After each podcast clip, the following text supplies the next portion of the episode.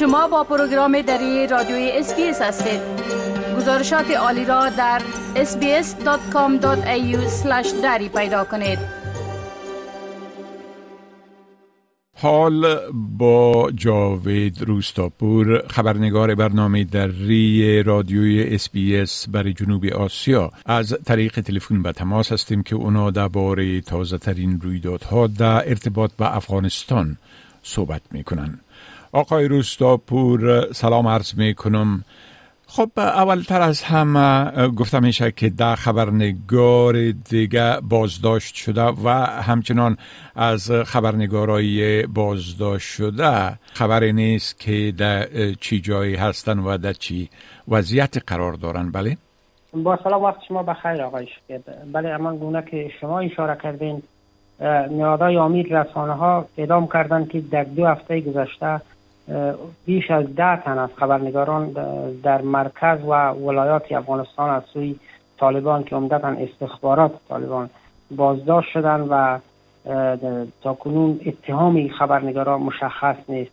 این نهادها با ابراز اعلامی های جداگانه تاکید کردند که خبرنگاران بازداشت شده جرمشان نه تنها مشخص نیست بلکه اینا اطلاعاتی که به دست آوردند از منابع آگاه اینا در زندان های طالبان مورد شکنجه و آزار و اذیت هم قرار می گیرند از طرفی هم خانواده های این خبرنگاران با مراجعه به دفتر دفترهای نهادهای امیر رسانه و همچنان به برخی رسانه ها گفتند که نگرانی وضعیت خبرنگارانی هستند یا اعضای خانوادهشان خبرنگار هستند در زندان طالبان هستند.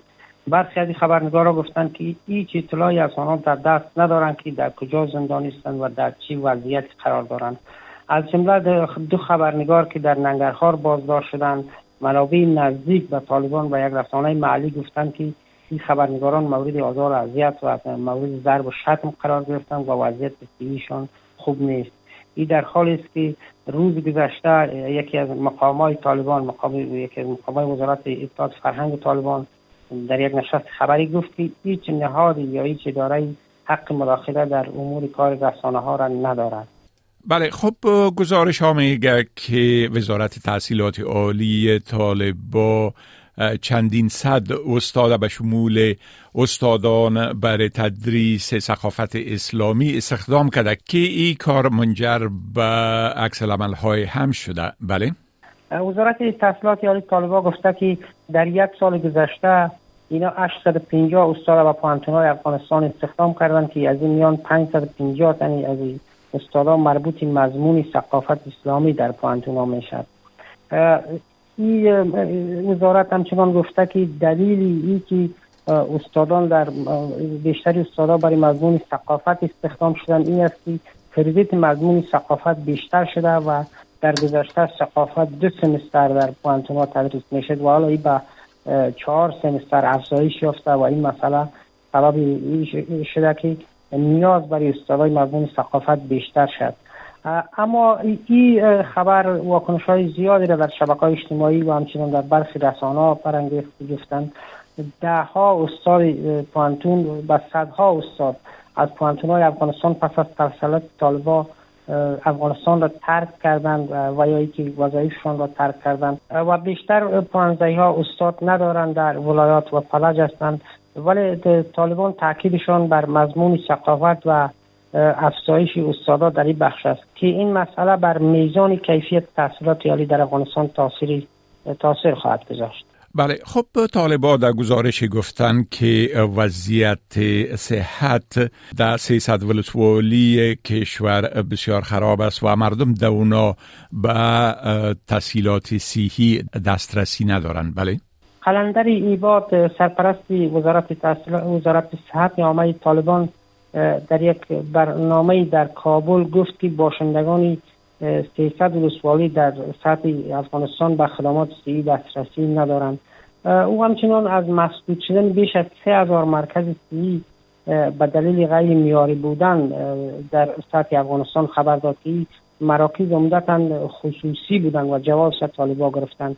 این خبر در حالی از طرف طالبا نشر شد یا تایید شد که سازمان جهانی صحت یا WHO هم اعلام کرده که سیستم صحی افغانستان با کمبود شدید بودجه مواجه است و این امر باعث خواهد شد که 8 میلیون نفر در افغانستان به خدمات صحی دسترسی ندارند نداشته باشند. این سازمان تاکید کرده که عمدتا زنان و کودکان در افغانستان به مسائل سیلی نیاز جدی دارند که باید اینا به بیماری های گوناگون مواجه هستند. کودکان به دلیل از اینکه به سوی تغذی مواجه هستند و خانما هم به عمدتا گفته که مشکلات روحی و روانی دارند. به دلیل از اینکه اینا از طرف طالبان زیر فشار هستند. اما در چنین وضعیتی وضعیت صحی افغانستان با کمبود بودیجه دارو و قدر تخصصی مواجه است اگر که رسیدگی به این موضوع نشود به گفته سازمان در آینده نزدیک یک فاجعه به بار خواهد آمد. بله خب سخنگوی طالبان اظهارات ملل متحد در مورد کشته شدن 38 کارمند امدادی در سال گذشته در افغانستان رد کرده. بله.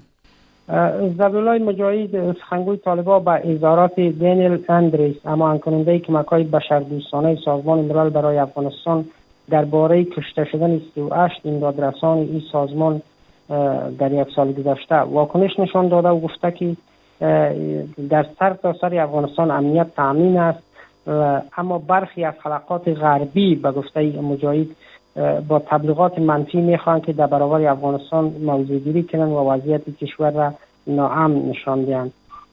آقای مجاهد همچنان گفته که این موضوع که 38 امدادرسان در افغانستان کشته شدند حقیقت ندارد و او گفته هیچ سراغی از این موضوع نداریم و حقوق بشر حقوق امدادرسانان در افغانستان تامین است و کسایی هم که گفته گزارش را نشر کردن هیچ اسنادی ندارند و با چنین نشر چنین گزارش ها و چنین ادعای فقط تاکیدشان است که وضعیت افغانستان را در نزد جهانیان این گونه نشان بدهند که اینجا کشور خطرناک است و هنوز هم امنیت تامین نیست در حالی که در سر تا سر افغانستان امنیت تامین است و همه سازمان های بینالمللی و نهادهای مددرسان می‌تونند که آزادانه کار و فعالیت کنند. بله.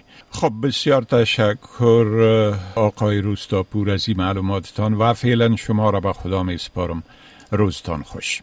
روز شما هم خوش خدا حافظ ناصرتان. می خواهید این گناه گزارش ها را بیشتر بشنوید؟